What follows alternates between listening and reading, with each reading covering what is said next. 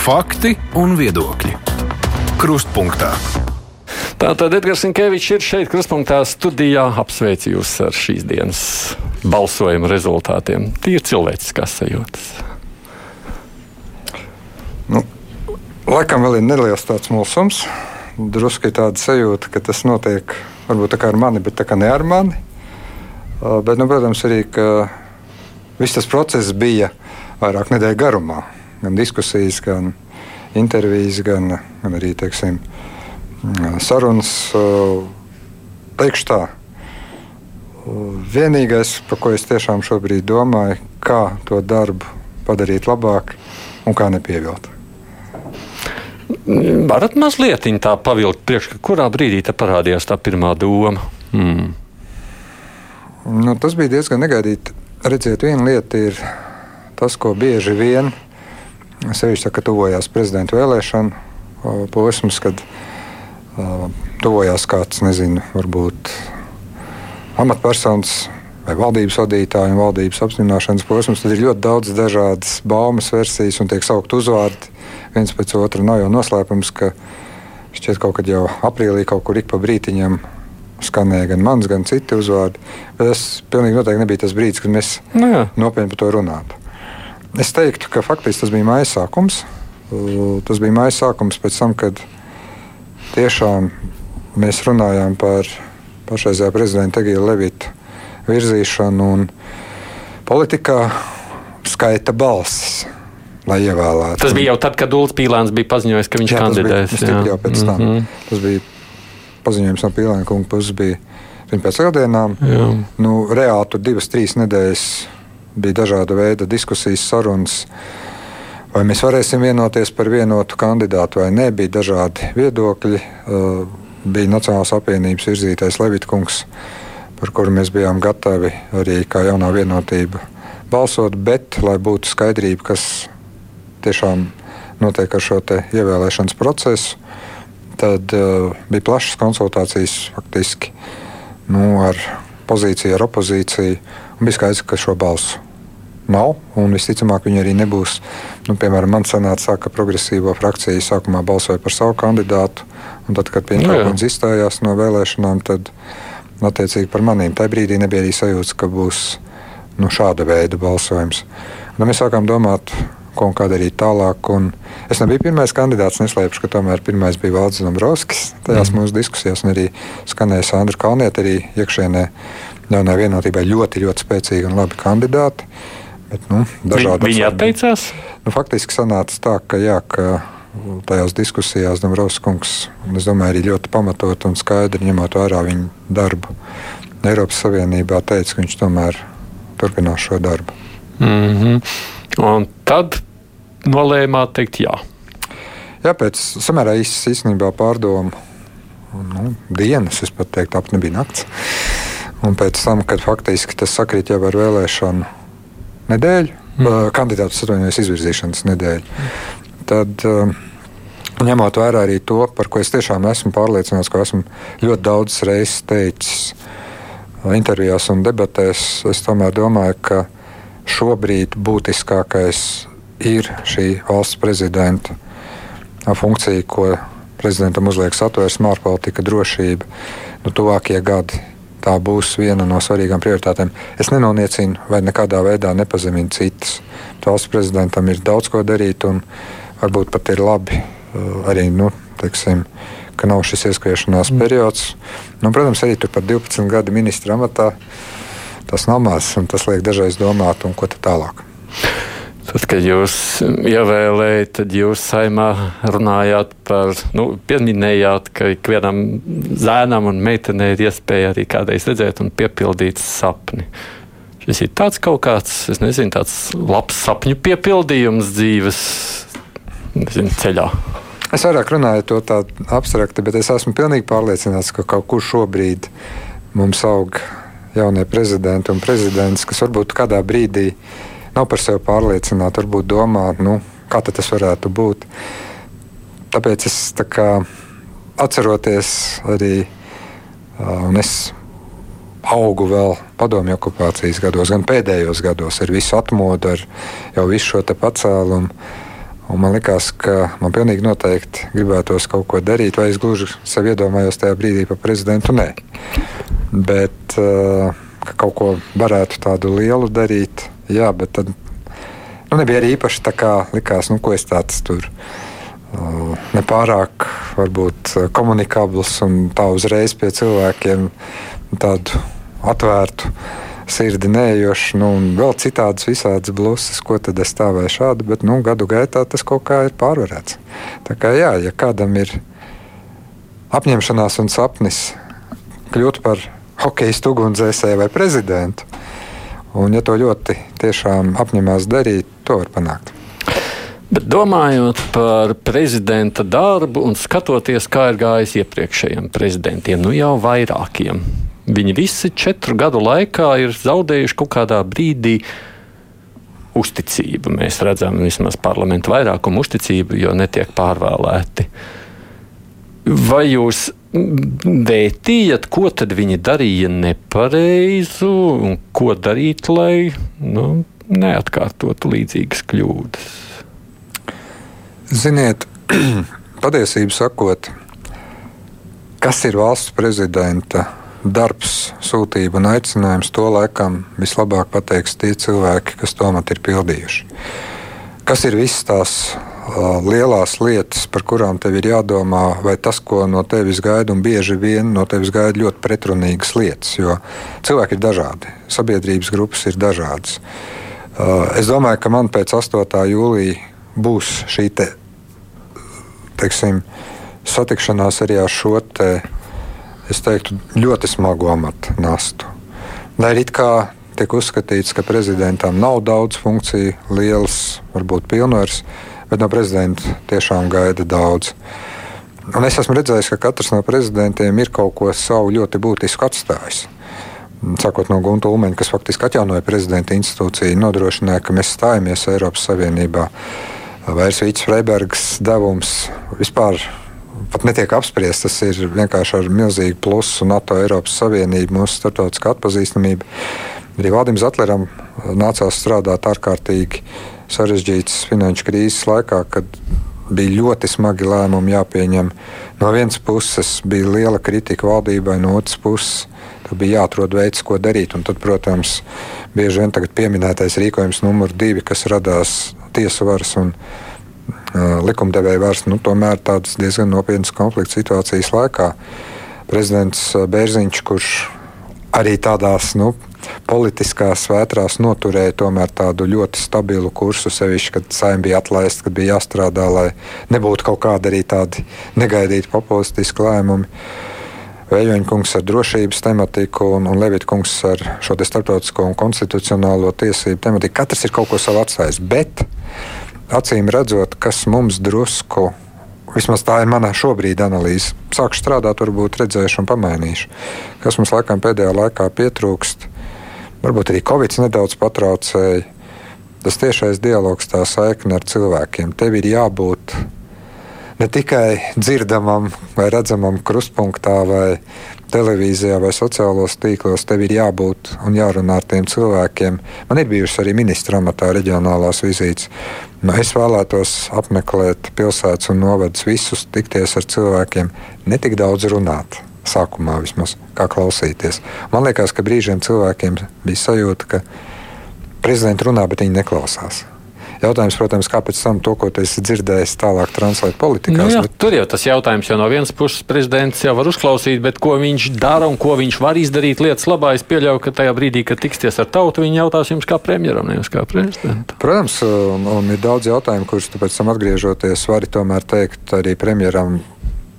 Mm. Ir lietas, kas interesē cilvēkus balvos, Vēnspilī, Jālgavā, Kārsavā. Un, ja, premjer, varētu... jā, un ja premjerministrs saka, nu, neko nevar darīt, vai nu, diezgan daudz un, un, un, un plaši tomēr izmantot arī tos instrumentus, bet jā, kas varbūt arī tomēr ir daļa no problēmas. Prezidenta funkcijas ir diezgan lielas, bet viņas nav neierobežotas. Tās nav valdības funkcijas. Un dažreiz varbūt cilvēki tiešām pamatot saka, nu, tu esi prezidents, ej un panāc, lai tā valdība rīkojas. Uh, šeit to var izdarīt, šeit ir kaut kādas varbūt lielākas lietas, kāpēc to nevar izdarīt.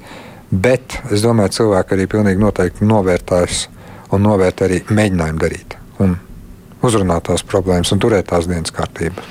Bet, ja, piemēram, prasītu prezidentu, kad tiks palielināts pensijas, jā, tāda naudas maka prezidenta kanclere nav. Tajā pašā laikā, ja skatāmies uz Egilu Levitu, viņam man šķiet viens no pārmetumiem, ko mēs diezgan daudz sadzirdējām arī šeit pat Latvijas radio ētrā, bija sakot, ka viņš ļoti ja pārāk sauga ar premjerministru. Cik jūs redzat iespēju, kur ir tandēms un kur ir jāspēj būt nezinu, pašam par sevi? Ziniet, bet bija arī divas ļoti, ļoti, un viena faktiski turpinās šī krīze. Pirmā bija Covid krīze. Sākotnēji, būsim nu godīgi, neviens nezināja, kā rīkoties. Ja jūs tagad atcerētos, kāda tik padoma nebija tieši pašā sākumā, sākot ar to, ka mazgāsim visu, ko atnesām no veikala iepakojumu. Es pats, jā, jā, es pats esmu aizrāvies ar tiem padomiem, kas tagad liekas mazliet smieklīgi, un beidzot ar nu, nevienmēr pārdomātiem, saprātīgiem ierobežojumiem, kas ir radušies kaut kādu ļoti nopietnu diskusiju rezultātā. Samēt, tā bija prezidenta Levita liela dilēma. Uh, aizstāvēt valdību un mēģināt skaidrot cilvēkiem, tos lēmumus, kas dažreiz bija arī pretrunīgi, vai arī tomēr mēģināt vairāk publiski nu, strādāt ar valdību. Es teiktu tā, nav vienas receptes. Nostāties tikai valdības pusē, vai tikai to vien darīt, kā kritizēt. Jo, manuprāt, šeit prezidentam tā nu jau ir tā māksla un zinātne atrast pareizo līdzsvaru. Ja tu redzi, ka valdība dara pilnīgi greizas lietas, saki skaļi, saki privāti, bet saki un mēģini ietekmēt. Un, ja prezidents kaut ko tiešām nopietni saka, un tam ir arī ļoti skaidrs sabiedrības atbalsts, valdības savu rīcību arī koriģē.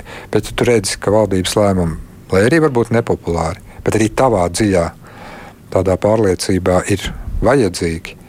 Jā, tad tev ir jāiet un jāsaka, kāpēc tu uzskati, ka šie valdības lēmumi ir pareizi un jāpārliecina cilvēki.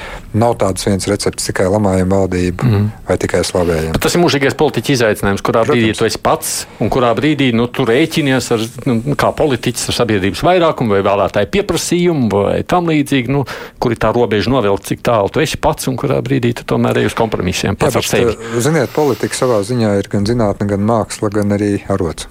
Un tas viss ir vienvietas. Nav tā, ka tas izklausās pēc talanta, drīzāk jūs teikt. Jā. Uh, tas ir viss kopā. Bez pieredzes mm. nesanāks. Bez noteikti zināšanu apjoma nesanāks. Bet bez izjūtas, bez tā talanta arī nesanāks. Tev ir jāprot arī sataustīt tā sabiedrības stīga. Nu, kā jums izdosies, mēs redzēsim. Bet, nu, pēc gada, pēc diviem gadiem varēsim mērīt. Bet kā jūs nodrošināsiet to, ka jūs netiksit uzskatīts par jaunās vienotības cilvēku, jo šis jau, protams, sākotnēji pilnīgi noteikti spēlēs būtisku lomu? Es domāju, ka vienīgā laba atbilde šobrīd ir tikai un vienīgi strādājot un tikai un vienīgi praktiski parādot. Es to jautājumu varēšu atbildēt. Šobrīd es varu teikt pilnīgi jebko. Protams, ir šīs formālās lietas, tātad partijas biedra status nolikšana un viss pārējais. Es ļoti labi apzinos, lai ko es šeit teiktu, lai ko es teiktu preses konferencē.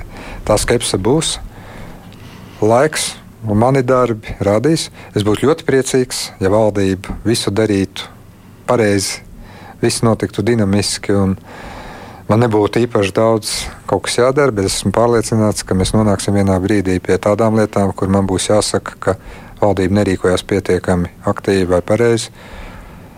Tas varētu būt varbūt drusku tā sāpīgi, ņemot vērā arī to, ka es zinu ne tikai jaunās vienotības ministrus un kolēģus, es zinu daudzus kolēģus. Bet nu, šajā gadījumā tomēr amats nāk un, un darbs nāk pāri tam, cik labas bijušas lietas. Tas var nepatikt, es ar to rēķinos. Bet es arī rēķinos ar to, kas ir bijis mans princips, ka valsts darbā un politikā nu, nevajadzētu ne pozitīvā, ne negatīvā nozīmē prevalēt kaut kam personiskam. Man te arī preses konferencē jautāja, kā jūs izturēsieties pret apvienoto sarakstu Nacionālo apvienību, kas jūs neatbalstīja. Es izturēšos tieši tāpat kā pret jebkuru citu partiju, vai tā būtu jaunā vienotība, vai Zaļo zemnieku savienība, vai Latvija pirmā vietā. Es saprotu viņu politiskos uzstādījumus, es ar cieņu respektēju to, ko viņi dara. Nu, man nebūs nekādu teiksim, nu, tādu vēlmi kaut kā ieriept, atriepties vai kaut kādas negācijas. Šajā darbā personiskais aiziet pilnīgi, pilnīgi kaut kādā trešajā plāksnē. Nu, tad šajā kontekstā ir jāpiemina vēl divas partijas, kas šodien savukārt no saimnes tribīnas sacīja, ka viņi tad vāks parakstu par saimnes atlaišanu, tautas vēlētu prezidentu. Tātad, ko tad jūs, kāda ir jūsu attieksme pret šo iniciatīvu? Saskaņā ar satversmi paraksts var sākt vākt tikai gadu pēc saimnes darba. Tātad tas nevar notikt tagad. Tas mm. notiek, ja nemaldos, no 1. novembra. Mm. Uh, Otrakārt, uh, diskusija par tautas vēlētu prezidentu ir absolūti leģitīma, ilgstoša. Es esmu savu attieksmi paudzis. Es domāju, ka vienkārši mainīt vēlēšanas kārtību bez nopietnas satversmes reformas un pilnvaru tomēr tādā gadījumā pārskatīšanas nebūtu prāta darbs, jo mēs nonāktu pie tā, ka tautas vēlēts prezidents būtu vēl ar lielāku tādu gaidu līmeni no sabiedrības, jo tev taču pat ir tautas mandāts, nu, kur tad ir tā darbība. Mm, tas ir. Es esmu diezgan, diezgan piesardzīgs šai diskusijai, bet, ja parlaments ir gatavs par šo diskutēt, vai tiek savākti paraksti referendumā un tauta lem, tad tas lēmums tiks respektēts. Bet eh, es godīgi sakot, nu, neredzu nekādā veidā eh, sasaisti starp leģitīmu, demokrātiski organizētu prezidentu vēlēšanu procesu atbilstoši satversmai un parakstu vākšanu saimnes atlaišanai. Es domāju, ka šeit tomēr ir tāda opozīcijai piemītošā nu, tāda stīga mobilizēt sabiedrību.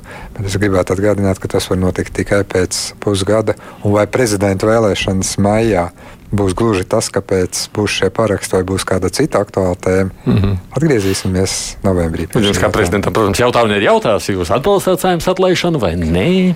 Es esmu teicis, pie kādiem jautājumiem vai pie kādām problēmām par to varētu runāt. Tā būtu tāda dziļa izpildvaras krīze, kad neizdodas vairākas reizes izveidot rīcības spējīgu valdību, neizdodas nobalsot par budžetu vairākas reizes, un valsts faktiski paliek bez galvenā finanšu dokumenta. Ir kaut kāds ļoti nopietns, varbūt varu konflikts, bet, ziniet, saimnes atlaišana, es domāju, nevienam prezidentam nekad nav bijis pašmērķis. Tas ir tāds zināms instruments, kas ir prezidenta rīcībā. Man ir arī prieks, ka arī tautai ir iespēja savākt parakstus un rosināt referendumu, nevis uzreiz saimnes atlaišanu. Nu, protams, tur ir diezgan sarežģīti noteikumi, bet mums jāsaprot, ka katrs tāds process arī ir nu, vairāki mēneši. Gan kampaņa, gan situācija, kurā īsti valdība, lai kā viņi mēģinātu, nevar strādāt. Šis ir galējais līdzeklis, ja tu redzi, ka lietas atbilst tiem kritērijiem, par kuriem es runāju. Nu, tā ir vēl viena aspekts, kas šajās prezidenta vēlēšanās parādījās, sakot, hm, varbūt mums vispār nevajag valsts prezidenta institūciju kā tādu. Vajag? Es domāju, ka valsts prezidenta institūcija, nu labi, ko tad jūs no manis tagad gribat sagaidīt? Tikko ievēlēts prezidents, ka, ka, ka, ka jūs varat likvidēt šo institūciju, vai ne? Es domāju, tas gan būtu laikam sensacionāli. Latvijas rādio būtu iekļūst pilnīgi, pilnīgi visās ziņu lentēs ar šo interviju, bet ja nopietni uh, redziet, valsts prezidentam ir noteikts mm. ļoti būtisks funkcijas, kuras lai kā gribētos, bet tas būtu saimnes priekšsādātājs vai ministrs prezidents, līdz galam nevar īstenot. Uh, valsts reprezentācija nav pat varbūt tā svarīgākā. Bet tomēr tā līdzsvarojošā funkcija, kad piemēram sēma ir pieņēmusi likumprojektu, kur tu redzi, ka nu, ir problēmas, bet viņi var radot, piestrādāt, pārstrādāt, izlabot kļūdu. Otra lieta - valsts prezidentam tomēr ir zināma līdzsvarojoša funkcija starp varas atzariem, sevišķi izpildvaru un likumdevēju. Nemaz nerunājot arī bieži par tām lietām, kas ir ierakstītas drošības politikas blokā. Valsts prezidents ir tas, kurš iebrukuma gadījumā spēr militāros soļus pirms vispār saimnes sanāk un tad ieceļ mirspavēlnieku. Un tad tā atbildība tā nav testēta, bet tā ir milzīga. Vienmēr var teikt, ka to var kaut kā sadalīt. Bet, ziniet, tad es pajautāšu tā, nosauciet man tādas valstis, kur nav valsts galvas, vienalga karaļa, prezidenta vai kāda cita tomēr valsts reprezentanti ar zināmām funkcijām. Es nedomāju, ka Latvijas valstī būtu jāeksperimentē ar satvērsmu un jāizceļas. Bet es domāju, ka šeit nu gan Nu, nesagaidīsiet no manis uh, tagad uh, prezidenta institūta apšaubīšanu pirmajā jau dienā pēc, pēc ievēlēšanas. Kad uh, Zaļo un Zemnieku savienība neatklāja, par ko viņi balsos. Šodien viņi sacīja, no, ka iemesls, kāpēc viņi ir izšķīrušies, tātad domā, balsot par jums, tad viena lieta ir šis skaidrais uh, kurs NATO atbalsts Ukrainai un viss pārējais. Otra lieta Viņš arī pieminēja iekšējās lietas, ekonomiskā problēma risinājums, tad, tad finanšu jautājumu, viss pārējais. Tā kā sakot, kā acīm redzot, viņi ir saklausījuši jūsos arī ekonomisko jautājumu uzturēšanu dienas kārtībā un risināšanu. Kas ir tas, ko mēs no jums varam sagaidīt šajā laukā? Es runāju par divām lietām. Protams, ka sākot strādāt, veidojot arī komandu, mēs par šo runāsim. Pirmā lieta ir. Uh, Es tomēr redzu, un man ir tāda bijusi laba pieredze, piemēram, ar tādu kodolfizikas centru CERN, kurā strādā daudz mūsu zinātnieku, kas ir cieši saz, sazobē ar uh, vairākiem mūsu uzņēmumiem. Tātad zinātnes, uzņēmējdarbības, miedarbība, kas tiešām nu, veicina tiešām šo ļoti uh, augsto. Uh, modernā valodā runājot, pievienotās vērtības produktu veidošanu. Tātad, mm, tāda veida projektu atbalsts, virzīšana. Pilnīgi noteikti viena lieta, otra lieta - valsts prezidents var un viņam vairāk jādara, bet šeit, šeit esmu dzirdējis no uzņēmēju organizācijām tādu arī zināmu kritiku. Uh, iepriekšējā pašreizējā prezidenta virzienā, ka nebija pietiekami, es gan vienmēr atgādinu, divi gadi mums bija vienkārši ārā. Bija Covid. Prezidents to nevarēja darīt. Eh, investoru piesaist, braukšana eh, tajās vizītēs, kur ir kāda iespēja piesaistīt investors vai mūsu eh, eksportējušu uzņēmēju potenciālu veicināšanu, uzņēmēju vizītes, bet nevis vienkārši ekskursijas. Nav jēga. Ja tev ir konkrēts iestrādes, ja tev prezidents var palīdzēt, kaut ar savu klātbūtni, ar savu vārdu, to darīt, tur ir diezgan liels potenciāls. Valsts interešu lobēšana, teiksim tā. Uh, valsts ekonomisko interešu lobēšana. Valsts mm -hmm. interešu lobēšana pat par nu, sevi ir prezidenta darbs. Jā. Jā, jā. Uh, tajā pašā laikā es pieļauju, ka daudz tur mēģina saklausīt kaut ko no nodokļu politikas, ko, zin, kā zināms, taču valdības atbildība, nezinu, par cīņu pret tādu ekonomiku, nu kas nu katram mums nu, Latvijā sāp. Mēs par šo diezgan daudz diskutējām debatēs. Arī starp citu šajā studijā, Karustpunktā, kad visi trīs kandidāti Jā. tikās. Uh, jā, mums bija drusku tāds uh, atšķirīgs redzējums ar Pīlēnu kungu un, un Pinto kungu, kas ir dabīgi. Mm, redziet, uh, tas, ko es esmu teicis, un tas, ko es mēģināšu ievērot, bet tur man arī, protams, ir jautājums arī par spēcīgiem padomniekiem, jo viens prezidents viss neizdarīs. Komanda var izdarīt. Uh, Es teiktu, ka nenogluži prezidents sagatavos milzīgu nodokļu politikas paketi.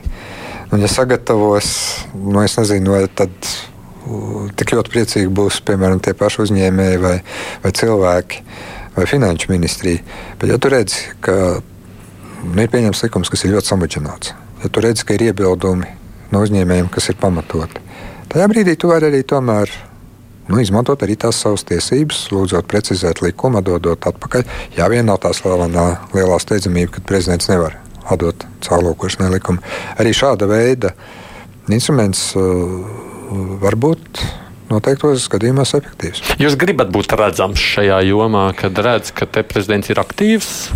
Uh, tas ir tāds labs jautājums. Es domāju, ka es gribētu, lai būtu tāda situācija, kad man ir kabineta durvis ir vaļā tajā brīdī, kad cilvēkiem ir kāda problēma. Nevienmēr tas nozīmē, ka es varētu piekrist viņu argumentiem.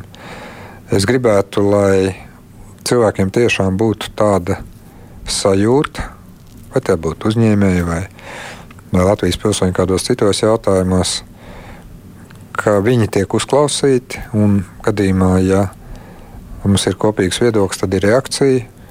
Un, jā, tad, tad, tad var gadīties, ka mēs runājam par tādu zināmu redzamību. Bet, saprotiet, būtu ļoti sarežģīti teikt, nu, vienos jautājumos redzams, ko citos jautājumos neredzams, ar ko tad sliktāk būtu veselības vai, vai izglītības problēma lieta. Tas, ko es vienmēr esmu teicis un mēģinājis, varbūt tāpēc es ne, neesmu izklausies tik, kā lai saka, enerģiski vizionārs vai, vai aktīvs. Es vienmēr atgādinu, ka valstī galvenais darba darītājs ir ministrs kabinets un ministri. Prezidents nevar viņu vietā darbu mm. darīt, bet prezidents var diezgan daudz veicināt un norādīt uz kaut kādu problēmu risināšanu, aktualizēt tās un censties panākt arī rezultātu. Bet mēs, vietā viņš nevar izdarīt. Tā. Nu jā, bet mēs redzējām arī kaut vai esošiem prezidentam, un šķiet iepriekš jau arī ir gājis, ir bijušas vīzijas, kad viņi grib kaut ko panākt, viņi nāk ar iniciatīvām, bet viņi nesaņem saimnes atbalstu. Nu, Levita kungam tā. Viņš arī palika. Viņš pat reizēm nāca, nenāca, mēģināja kaut ko iesniegt tālāk. Kā jūs redzat to darbu, kā tad, ko darīt, lai tas, ko jūs redzat kā vīziju, ka to var patiešām arī realizēt un ka deputāti jūs paņem galvā? Redziet, te nu es teiktu, ka primāri tomēr ir jārunā ar frakcijām, ar deputātiem, pirms tu esi atnācis ar mm. konkrētu likumprojektu vai konkrētu priekšlikumu. Kāpēc? Pirmkārt, lai saprastu, vai tu spēj pārliecināt šos deputātus, ka tavs piedāvātais ceļš ir pareizs. Varbūt ir kaut kas tāds, ko tu neesi tavu komandu ņēmusi vērā, bet ir kaut kāda lieta, kas ir jāpieprecizē un ko tu vari izdarīt pirms likumprojekta iesniegšanas. Ja vienkārši iesniegt likumprojektu un cerēt, un viņu arī nepieskatīt izskatīšanas gaitā, no prezidenta padomnieka puses, ka viss notiks tā diezgan strauji. Es, eh, es nedomāju, ka, ka tas ir veids, kā panākt mm. savu priekšlikumu īstenošanu. Bet uh, konsultācijas ar visām pozīcijas un opozīcijas, uzreiz mm. pasvītrošu, frakcijām, lai saprastu, vai tavs piedāvātais risinājums vai problēmas aktualizācija var gūt, ja ne gluži saimnes vairākumu, tad vismaz ievērojams daļas atbalstu, un tu vari tajā procesā iesaistīties un līdz likuma pieņemšanai panākt savu. Nu, tas būtu ceļš pirms formāli mm. ar attiecīgo pavadrakstu un preses relīzi, kāds likumprojekts no pilsētas izies un sasniegs Jēkabielas namu. Jūs esat šodien pieminējuši un atzinīgus vārdus sacījuši saviem nu, konkurentiem, tā varētu sacīt, Pintā kundzi, Pīlēnu kungu. Ko jūs gribētu, lai viņi dara? Vai viņi tādu noiet no skatuves, viņus kaut kur iesaistīt kaut kā? Nu, mēs jokojām, ka mums vajadzētu tagad reizi nedēļā tikties un debatēt. Mēs jau bijām tā pieraduši pie, pie šīm savstarpējām domu apmaiņām, bet viņas bija arī, es domāju, savstarpēji bagātinošas. Beigās jau nonāca līdz tam, ka varētu būt tā, ka es kaut ko piemirstu no savām prioritātēm, Pīlēna kungs vai Pinto kundze uzreiz varētu papildināt, bet jūs tur aizmirsāt to un otrādi. Nē, es negribētu, lai viņi noiet no skatuves. Pilnā nopietnībā. Es domāju, ka viņi abi bija ļoti cienīgi kandidāti. Es arī, tad, kad es atvadījos no Pinto kundzes un redzēju arī progresīvo frakcijas vadītāju, teicu, nepazaudējiet viņu. Un Pielāna kungam es teicu, ka es ļoti gribu cerēt, ka viņš nepazudīs un ka mēs vēl arī tiksimies un izrunāsim varbūt lietas vairāk vai mazāk regulāri, kāds ir viņa redzējums. Mm. Es ļoti tiešām bez kaut kādas diplomātijas augstu vērtēju viņu abu. Gan redzējumu, gan līdzinējos sasniegumus. Un kas zina, četri gadi paiet ātri. Varbūt būs vēlreiz kandidāti. Kas būs pēc četriem gadiem, to nu, es šodien neņemos spriest. Un, kā es arī atbildēju preses konferencē, man jau, man jau uzdeva četri vai astoņi gadi. Priekšā jānostrādā tie četri. Tas skaidrs. Ir jau daudz jautājumu. Mums ir piecas minūtes vēl mūsu sarunai atlikušas.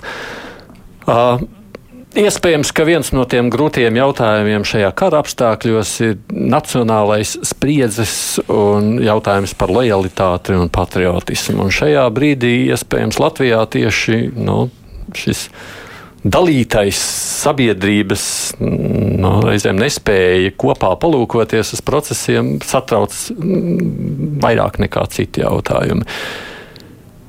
Ko var vai var kaut ko darīt prezidents vairāk, lai vienotu Latvijas sabiedrību? Jā, tas ir jautājums, ko mēs ļoti daudz esam diskutējuši, kur arī daudz eksperti ir bijuši.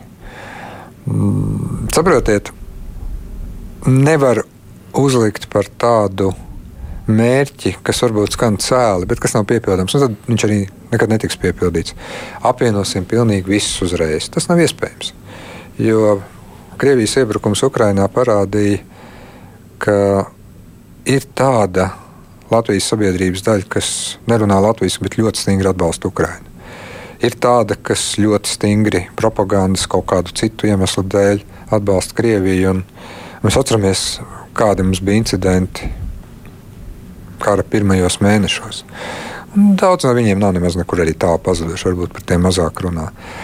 No šiem cilvēkiem šobrīd vienoties, viņus pārliecināt, es teiktu, ir grūti, ja ne neiespējami. Un varbūt nav vērts šobrīd uh, pat tam tik ļoti pievērst uzmanību. Tur vairāk ir jāskatās, vai jau netiek pārkāpts krimināla likums. Un tad ir tie, kas ir samulsuši, kas ir apjukuši, kas bijuši Krievijas informatīvā telpā un kas domā, pirmie soļi ir spērti. Uh, lai arī man ne visi nepapu lēmumi ir patikuši par dažiem, es esmu teicis, bet, piemēram, Krievijas propagandas un dezinformācijas kanāla slēgšana visos veidos ir pareizs solis. Mm. Tas no, noslēdz kaut kādu plūsmu, bet nākamais, kā tad mēs sākam runāt ar tiem apjukušajiem, ar tiem, kam nav vēl viedokļi. Un uz tāda veida dialogu dažreiz arī varbūt slāpējot kaut kādas asumus, kas uh, bieži vien jau uzšķirkst gan sociālajos mēdījos, gan tāpā. Arī nu, no tiem, kas, kas uzskata, ka vispār viss ir pār vienu kārti metami, kas, kas nav latvieši. Ja? Kaut kāda, teiksim, vairāk dialogu veicināšana, vairāk tā parādīšanās skolās. Man pat uh, ārlietu ministra darbu veicot, es esmu, tad, kad Covid beidzās, atkal atsācis braukt, ticies ar gimnāzijas universitātes gan studentiem, gan, gan audzēkņiem. Uh, un, starp citu, ne tik daudz diskutējuši par, par, par ārlietām un ārpolitiku, bet šeit arī par valsts aizsardzības dienestu spaisu un no visām ļoti svarīgām lietām, kas jauniešus interesē. Šāda veida teiksim, dialogs, saruna, meklējot tiešām kā dabūt šos cilvēkus savā pusē, tā, tas ir diezgan ievērojams skaits. Jā, labu recepšu nebūs nekad.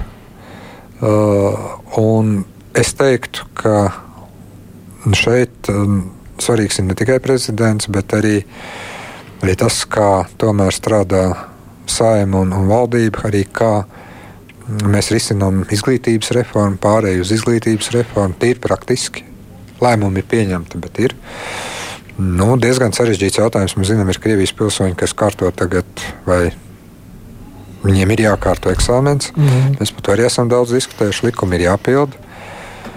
Nu, es teiktu, ka jā, diezgan daudz darba. Pabeidzot sarunu, jūs redzat, kurš varētu turpināt darbu ārlietu ministra amatā tagad? Pēc, jā, vēl neesmu runājis ar ministru prezidentu, jo tas būs ministra prezidents. Protams, lēmums. jā. jā. Uh, es nostrādāšu vēl līdz 7. jūlijam ministra amatā, pabeigšu tos darbus, kas tur ir. Uh, un es domāju, ka tajā brīdī ministru prezidents arī partija, kas ir uzņēmusies atbildību par ārlietu ministriju, attiecīgi radīs cienīgu, atradīs cienīgu kandidātu. Dažas idejas ir, bet uh, tā ir ekskluzīva premjeras kompetence. Protams, jā, bet jūs Protams, dalīsieties ar savām, nu, tās, mēs, ko jūs gribētu redzēt. Jūs viņām teiksiet. Es teikšu tā, uh, mums būs par šo noteikti saruna Mēs neesam par to vēl runājuši. Nu, tā vienkārši iemesla dēļ, ka, lai kā te daudz domātu, ka viss bija skaidrs, nezinu, kad. Skaidrs bija tikai šodien, un, un dažas lietas mēs pārunāsim. Un, ja būs tāds, tāds arī brīdis par, par šo ministru posteni, um, dalīšos ar savu viedokli. Ceru, ka mēs, protams, noteikti tiksimies kādā no citām atkal ēteriem, ētera laikiem studijā šeit, kad atkal nu, jau būsit sācis darbu un varēsit teikt, ko esat izdarījis nākošajos mēnešos. Jaunievēlētais Latvijas valsts prezidents Edgars Rinkevičs šeit bija studijā. Paldies, kā atnācāt! Paldies!